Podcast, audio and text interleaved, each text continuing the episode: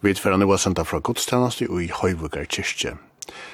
Sunkner vera salmar nummer 644, tøkk fyrir degin nutja, 2,5, Jesus leim i atlan alder, nummer 305, leim i god av løfsins ve, og etter pratike nummer 638, som mong alene kjenna seg, og nummer 593 er tatt her, herre. Og salmane våre nummer 644, 2,5, 305, 638 og 593. Dekner er Annika Rå Samuelsen, klokkar er Eli Johansen, orgeleikare Albert Pettersson, og det er Theodor Elidam Olsen prester som prætikar. Vi tver herra rett at høyra Kåre Silvetne, Sintja Godstannastan verir eisne vust og i sjånvarspunnen.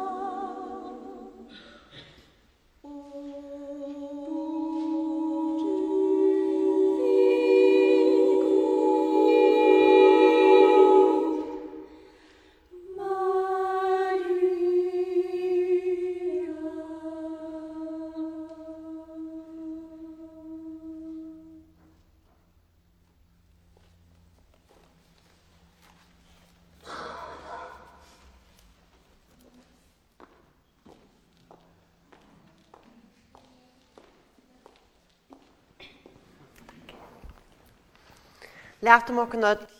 Bia. Herre, er innkommen i dette heilige hustøyt, at høyra hva du to god feir, skapar mun, to Herre Jesus, frelsar mun, to gode heilige ante, okkar mun og loivi og deia, vil vi med tala. Herre, åpna du nå såleis vi tunn heilige anda, fyrir Jesu Krist skuld hjarta mot, at jeg av året tøynom kan lære å være enkur om sintemunar, og løyve og deia, at trykva av Jesus og kvann deg og heilaren løyve og løvnaje er batna. Til høyre og bøn høyre god for Jesu Krist. Amen.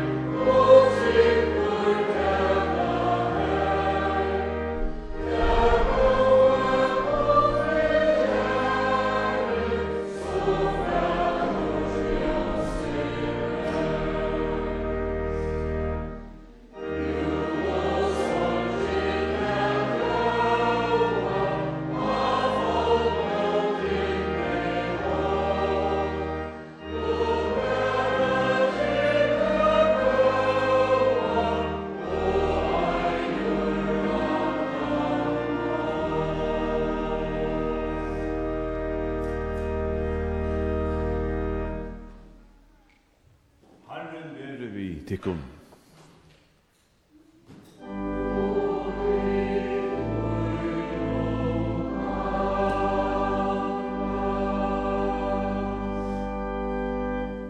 Læt hun okkun öll bia. Herra vår god himmelske til tu som lät ståndtøyn Jesus Krist, tæna okkun lyga til deia. Vær bion til, vær okkun fyr hukmå og sjálfsøkne, Gjev okkun av nøye tøyne at fylgja harra og frelsar okkara, at tæna honom og medmenneskjen okkara, og i eimukt og lytne, og i öllum frestingum at finna hjelp og styrkje til honom, Jesus og Kristi var hon harra, som vi her liver og rævur og i einleika heilaja andans, ein sannur god om altur og æver atlar.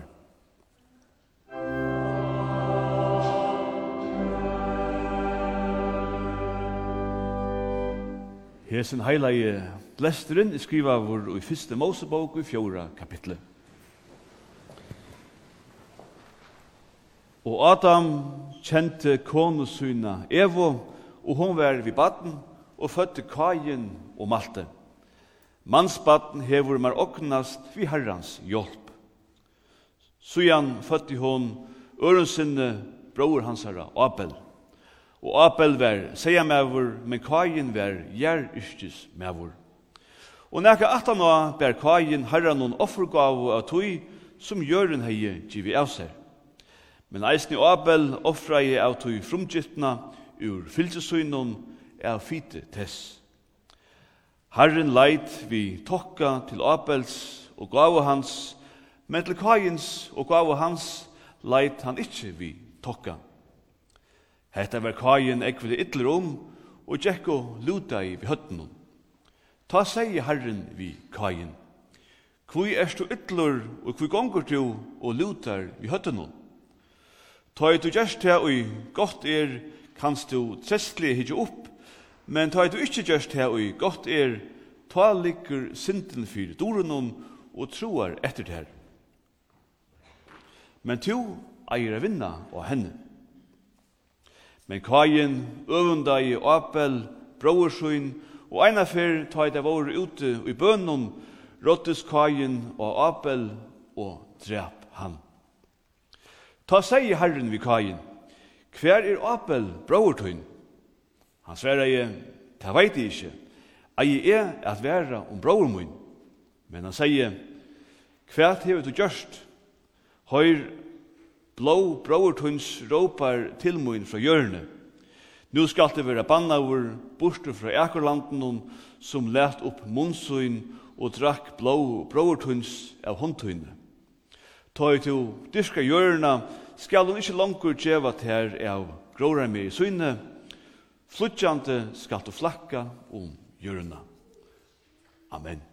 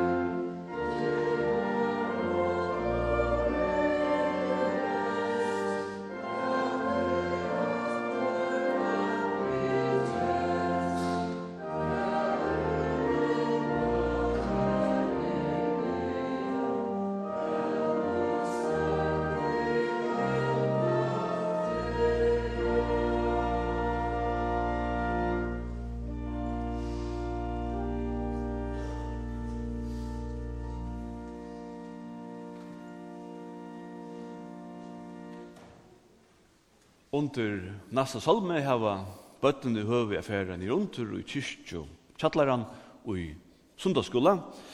Men fyrst skulle vi lesa dagsins epistel. Han skriver Jakob Apostol og i fyrsta kapitlet.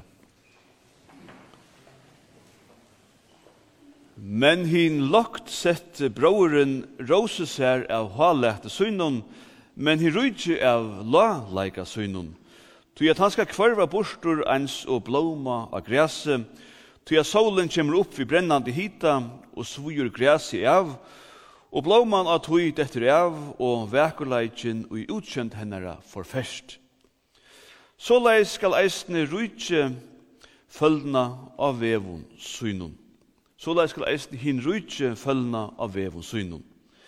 Selur er ta mevur som heldur ut i fresting, tui at ta og i han er røyntur skal han få løvsens krono som Herren hever lovat heimun som elskar han.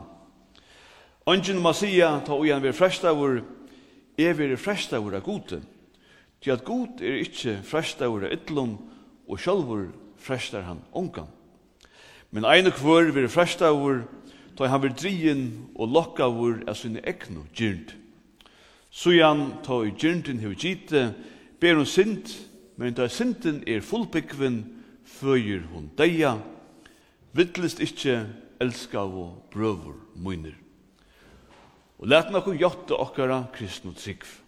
Vi dæv nokta djevelen og atla gjerningar hans og allan ætbor hans.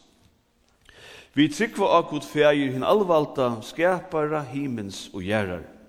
Og Jesus Krist, Guds einborna son, var han herra, som er gitt inn av heila og nanta, born i heim av Marie Moi, punslar under Pontius i Pilatus, krossfestur, deir og gjerravur, nye færen til helgar, tria dagen stein upp fra deion, færen til himmels, sidan til vi høyre hånd, Guds fægers, hins alvalda, hien i han kjemra døma, livande og dei.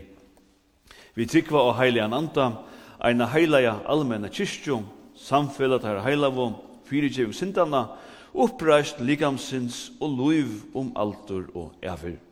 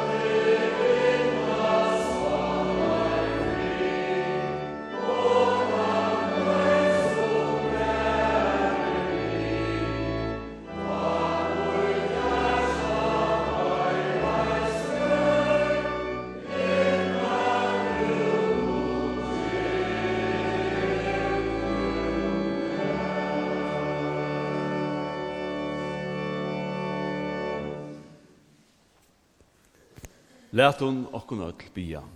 Herre, vi takkar deg for i årtut til okkar i dag, årtut er sannleikje. Læt deg lys okkun vegin til sannleika og til sælo. Amen. Hetta heila evangeliet til fyrsta sunnudag i fyrstu, etter, fyrir, etter, etter 17 tekstar røm, skriver Lukas evangelistur i 22. kapitlet, til Ljøs og Leis og Jesu navnet.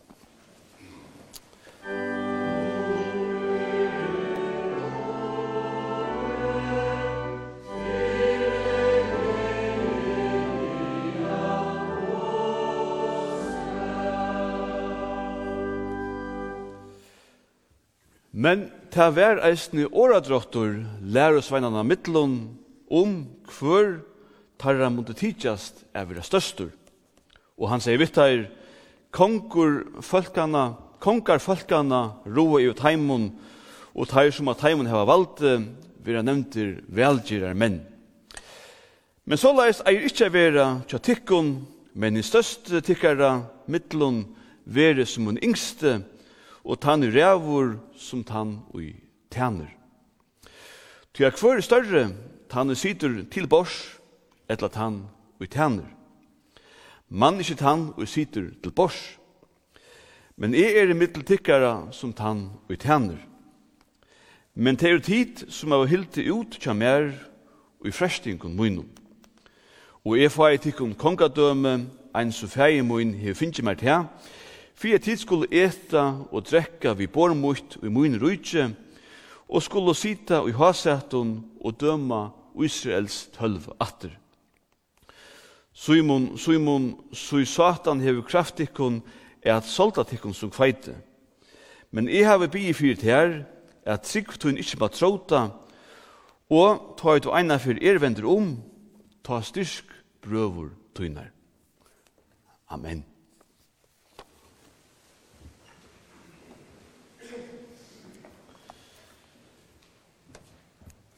Tid hava ikkje løyve til at gjeva opp. Om det gjere av at drepa meg, så merker det at vi er jo ekvelia stersk. Hesi årene våre nøkrat ham seinast og i russiske politikaren Alexei Navalny let fratta fra seg åren despoine av honom komo fyrir deg. Seinast tøyina sett han fengje og i kalta og avbyrta Sibiria. Og i 2020 var han eitravur og munte døy, men kom fyrir seg atur av en sjukerhus i Tyskland. Her kom til han vere verande. Men han får atur til heimland sutt Russland, attur a strujast fyrir frujun vele og folkarægi, to han beina vegin var handtidsjen og dømtur flere tutsjetals år handan rimar. Ein kan sia at hesin leiaren, hesin anstøv og leiaren, valgte at vente atur og tæna. Han kom til at det verre. At han nu måtte leta loiv kom kanskje som en kvøkker, men kom helst ikke ovanta av omheimen som har fyllt hos manne, og var han kandidater til frierheirsløn Nobels i fjør. Men han visste kanskje sjølvor for en vet av bær. Vi skulle sjå om det alltid være væren ta vi samanbyrra folk ur okkara tui vi frasakner ur halkobok. Vi hava ikke halgemenni i okkar kyrkju. Men utan samanbering annars minner henda støvan ikkje sørst om det og i dagsins prætik og tekste. Vi er støtt i 22. kapittelet til Lukas. Jesus sier til samme vis under lærersveinen. Han kunne valgt at la det være. Men hesen leieren valgte korsene over etter og tæna. Han visste helst eisne hvem vi ta bær, forfylking, pyning og deie, er og tyveri enn kjent fyrirbrygte, lukka som til våre fyrir 2000 åren sujane, ta Jesus tjekker av hjørne. Anki er nytt under solen. Håast talan er om hina seinaste kvöldmåltøyna, så er stemningren særligur. Jesus forteller at ein tarra fyrir a svutja seg, Og lærersveinene spyrja hver tarra teman for å være. År ekst av året.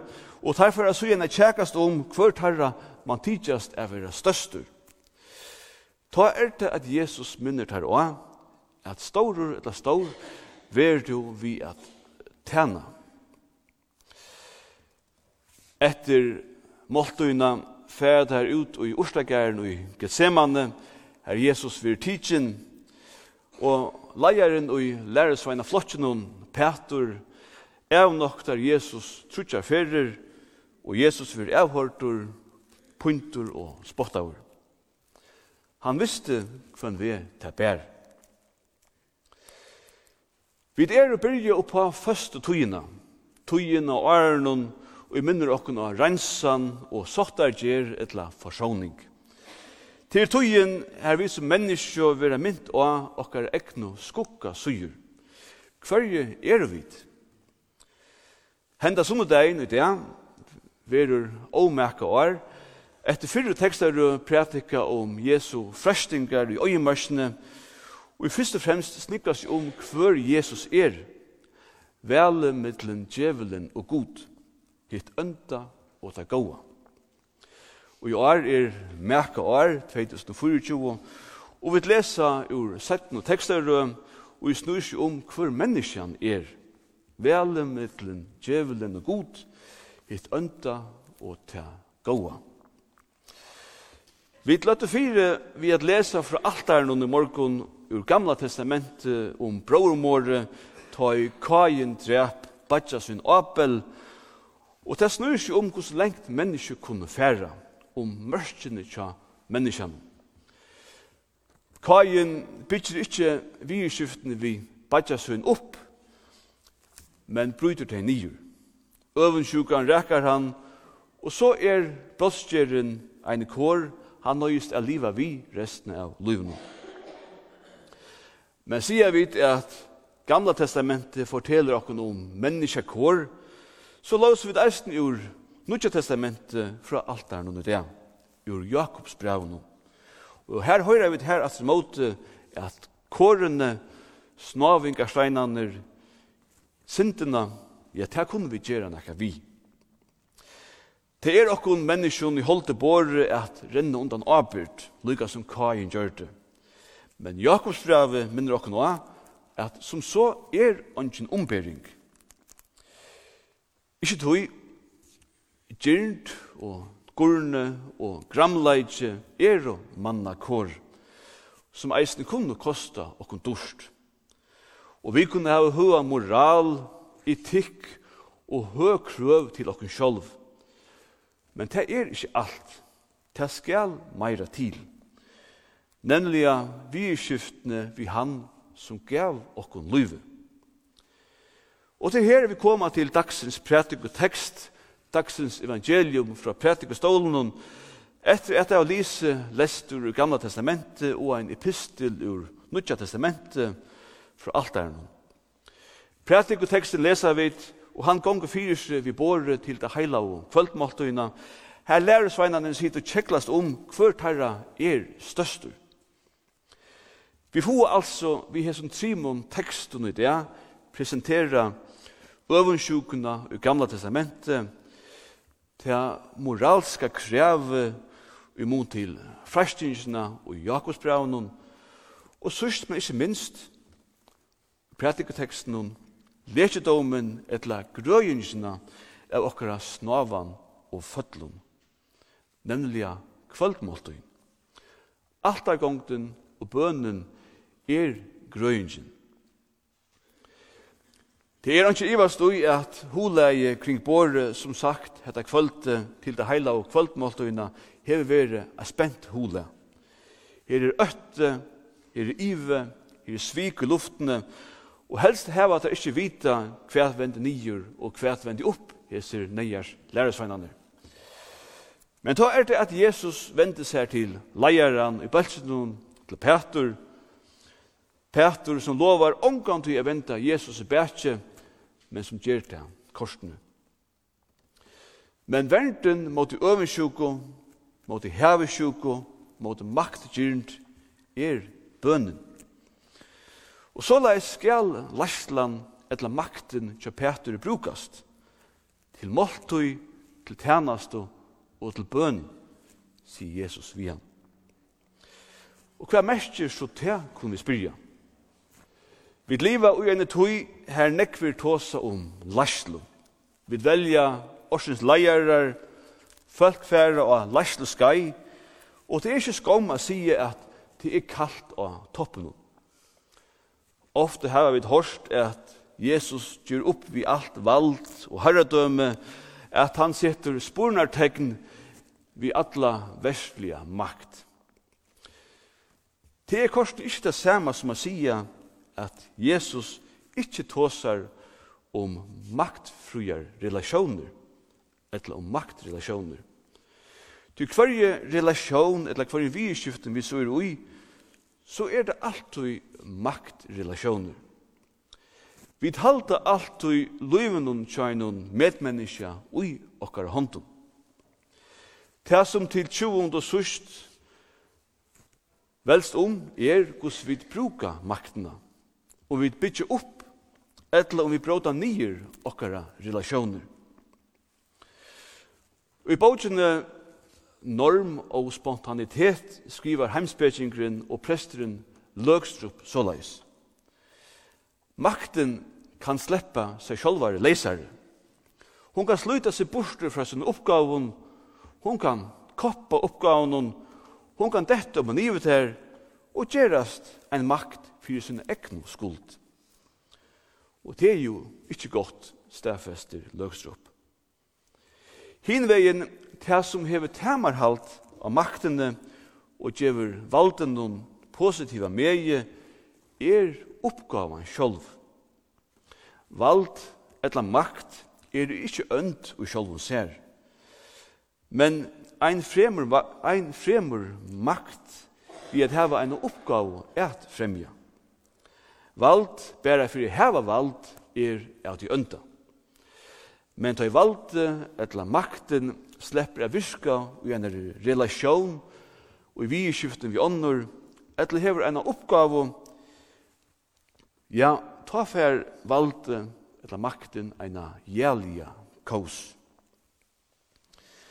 Vi bor skurisk kvöld til det heila og kvöldmåltøyna, fer Petur, ikkje bøyene, at han skal sleppa maktene etla bleka leiera leikloten fra seg. Nei, tvørste måte fer han lyfte om en oppgave.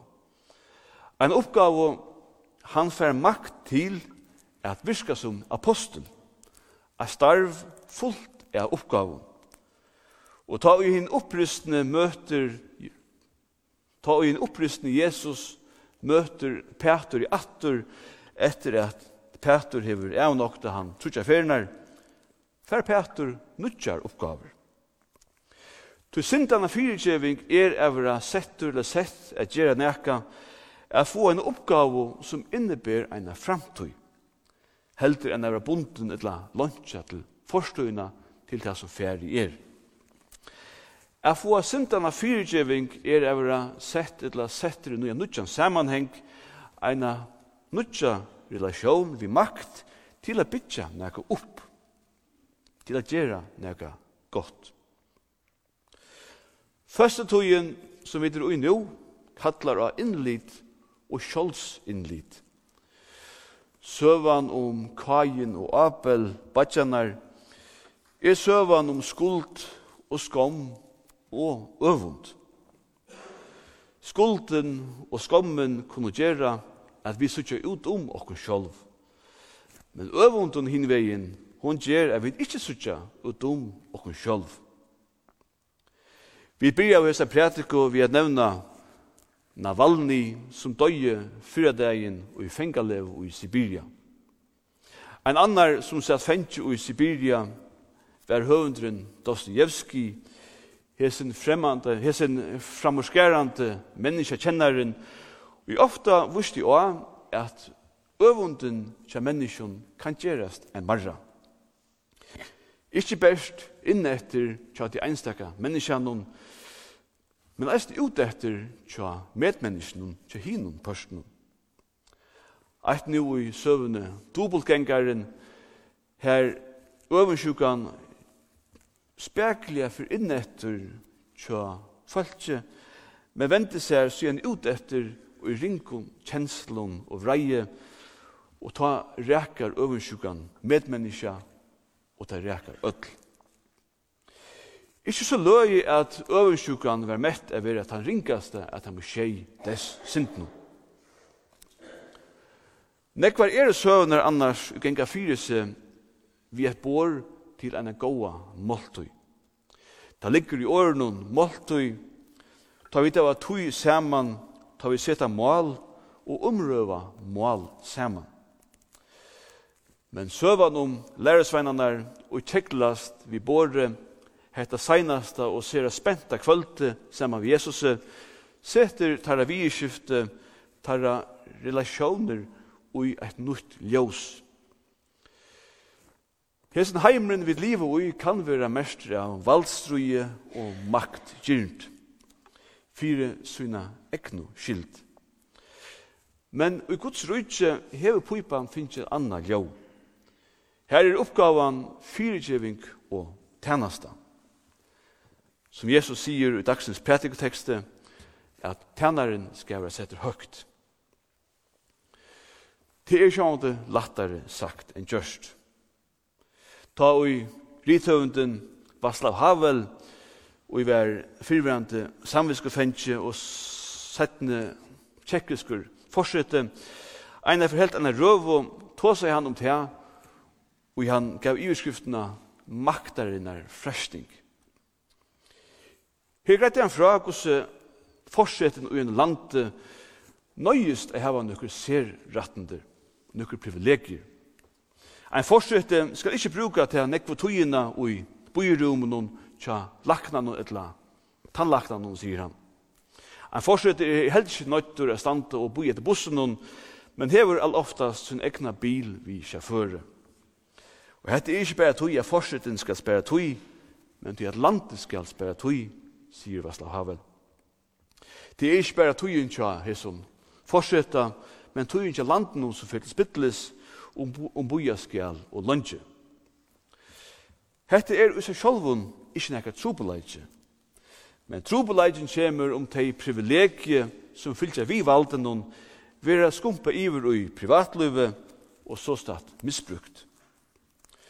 Sjálfur vilde Vaslav Havel vera vi i røvende, og da sier han vi om skolkabrose, at middelen hans er monko tjeli einleikar vanta i tog betre ein, nemlig langslen etter makt eller kærleikin til makt. Det sier Vesla Havel i ötlen fyrir sjolvur, og til metti han at hentan støvan gav honum a større fralse enn om han hei tro et meira valde enn godt vær. Men frestingen, eisen etter valde og makt, er jo ein grunnleggjande kår i løyvenon tja okkun menneskjon.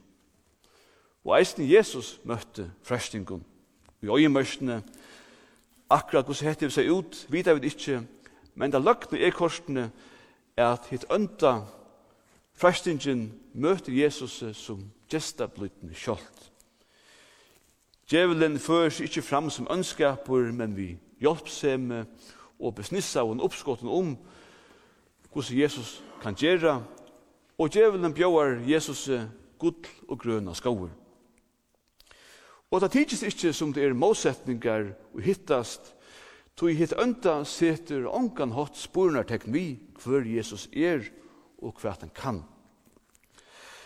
Men hendingen ut i øyemørsene er ikkje bare frestingen av Jesus. Hendingen viser eisen hva bor i Jesus, hovast han bæger svenkur og tister og nyrunderkommen. Jesus letes ikkje misbruka eller motra. Og i stegen heldur han seg til at han som Guds sonur framvegis er vi okkun menneskjum. Så Jesus bleiv frestavur, og å være frestavur er å rønt eller å røntur. Det kan være at vi er i iva, å i kreppo, her en avgjør skal tekast, hva du skal velja, hva du skal trykva og hva du skal gjera. At vera fresta vår eller fresta er å leta seg sannføre om er at ein er nekka anna enn ein er er at koma og iva om sin egna samleika eller sin identitet. Er frestast til halta at du ikkje langer erst ein menneske, men at du kanskje erst god. Frestingen er konflikten eller strujen mittel det goa og det ønda. Men frestingen er samstundes eisende menneskans lotur, at genge hese øyemarska gongtene vi først, her det kan tidsast tømt og øye, og her vi nøyast hugsa okkur om, og her vi velja til røtte kostna, atter ui eit fruktagodt økje. Te undrene som Jesus gjørte, miraklene til honom, voru alltid gjørt av kærleika og miskum. Han vakti deg, han lekti sjuk, ikkje fyrir a vysa sitt vald, hese maktarina fresting, let han seg ikke tøle av. Så Jesus gjør ikkje under for å vise hver han er, så det kan jo være så ser det frestande at bia Jesus gjør hetta eller hatta. Jesus gjør det ikke under for å vise mæte, men undrene var hinveien gjørt for å hjelpe øren og å glede ånder. Han gjør det for å tjene, og vi hesson blei han stårer. Det er ikke tilvild at fremmande år for, for det vi her hjemme ikke okkom kalla landstyrsfolk er ministere. Ministere, mester, tjenere. Fyrir dagen andaist, som sagt, russiske politikaren Alexei Navalny. Han kunde valgt til løtt løsnena at leva eit frutt liv ute i verene og i Vesterheimen Og i stegen får han heim og døye og i einare karroare fenga levo. Politiske leieren får heim, og ja, vi kunne sia at han valgte å vise dirve og at henne, hans han visste det kunne kosta deian. Tid har vi ikke løyve til å gjøre opp, om det gjør av å drepa meg, så merker det at vi er, vi er ekkelig sterk, sier han. Utan samanbering annars leser vi det der, i dagsens prædikotekste, at Jesus sjølvur gav sitt liv. Han hei vald og makt og lærslo, og brukte det til å djeva og tjena. Sjølvur sier han, såleis som kveitekottene, Fettel ikkje kveitekottene i hjørn og døyr, ta er og ver det ensamalt, men døyr ta, ta ber ta miklan avvøkst. Det er kanskje som den urske rockbalkgrunn U2 synker einastane eisni om til Athena. Atla til ter at kyssa himmelen, så lær til at botja knøyne. Atla to til at kyssa himmelen, så lær til at bodja knøyne. Lov og tøkk og atler heier vir til her, gode varun, feir sine og heilavun anda. Som alltid veri er og alltid verur, ein sannur tru eini god. Hala over fra fyrste opphavi om atler evir. Amen. Gå god feir okkara, vi takkar deg for luive, at to leier okkara vi at tjena, så vi ikkje er einsamøll. Vi bier til gode feir okkara, vi er til tjåkon vi ötlun, atler nøy tøyne, hjelp og sikning. Vær ikke ødel teimen som er støtt i nei, byrst du et ljós tja teimen. Vær okken fra krutsk og hungurs nei, og lær okken a binda fri her åsemje er. Trøsta ødel tei som hava mist og byrja sorg, gjev du teimen et mål a syrja vi. Sitja ödel teimen som er sjuk og ötta full, vær ikke feirleison og mauerleison, vær du verje ikke ontsjon og ontsjemannen, vær hjelper ikke ödel teimen som omgang går og vita seg.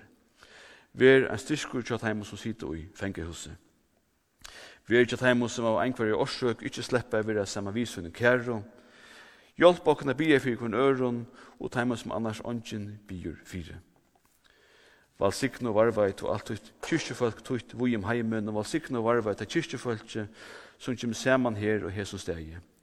Valsikno varvait og heila og sakramente, alt er borit åpen, og la tutt åra frutta færa okkara mittlun, lær okkar gøyma til vi regnon og taksom og gjørstum, og let okkum vera velleit, lust og styrst fram og tjekk løyve, og let tu tu et nøyljós lysa fyrir okkum öllum. Halt tu tu en gau og styrske hånd i vrakka land i fölkje, valsikna tu einu kvönn i hansara etla hennara lovliga verskje. Vi er innabora tja sjåfölkje okkara, og teimo som eru i allare ferslo og starve og landi og loftveis.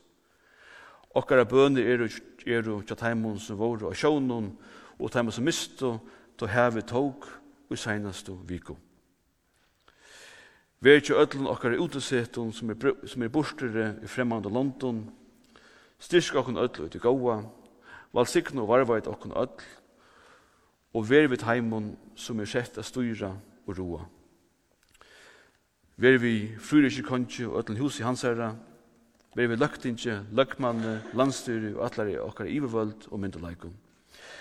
Fylg okkun og til leien okkara, ver vi okkun og til verste okkara, så at alt tjå okkun ver halka og sikna og tær, og varveit okkun öll, atla tui og lusens samfellegi vi te, så at vit anna kurs vi liva, etla dodja mi høyra tær til. Høyr okkun og Jesu navne. Amen. Så skal jeg si fra at nå etter gudstjenestene er ein drekkabonda fo i forstyrsene og Takk for ei tid som jeg har stilla fire. Mikkelkvalde, 21. februar kl. 20, verur første godstjeneste her i kyrkjene, vi hennes Paul Bjekvansine, kvalbjer preste, og ta syngur kåre eksperiment eisne. Vi skal eisne bare en takk til tikkun og uh, silvittne som synsja her i dag. Ter løtte fire vi har synsja preludium, det var Salve Regina, og som er, som er ein spansk komposisjon, spansk le etter Javier Busto. Og nu etter Pratiko for at jeg synes av Maria, og hese bei løgne Salve Regina og av Maria er boar uh, katolska bøner til Marie Moi, til Dino Stella som vi skriver av Maria. Og der synes jeg eisende duo Serafim, som merker tveir enklar, etter Thomas Lewis de Victoria, et le ur sein myølt. Takk for sannsyn tid. Læt nokon så gjerne vi apostelen innskja fornørum. At Herrans Jesu Krist nøye, kærleik Guds og samfella heile andans ver vi okkon ötlund.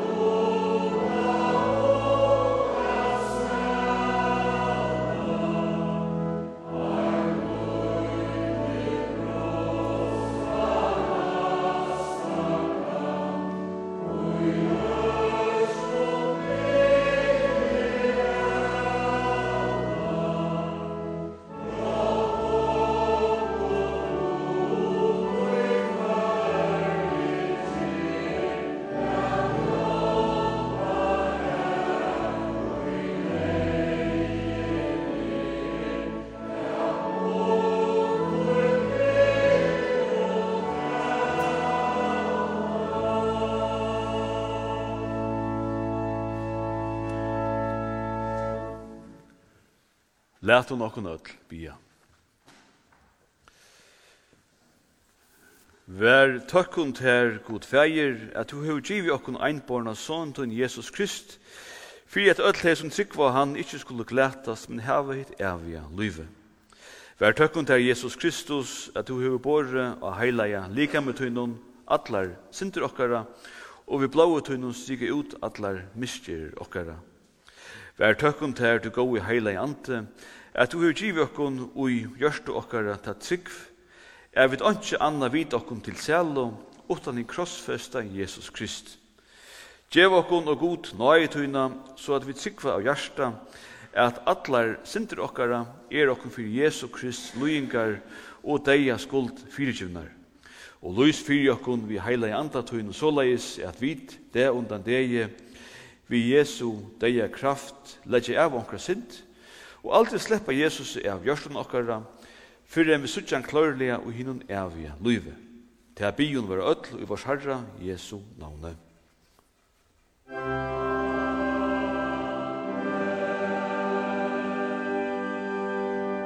Tætje vi sikning herrans.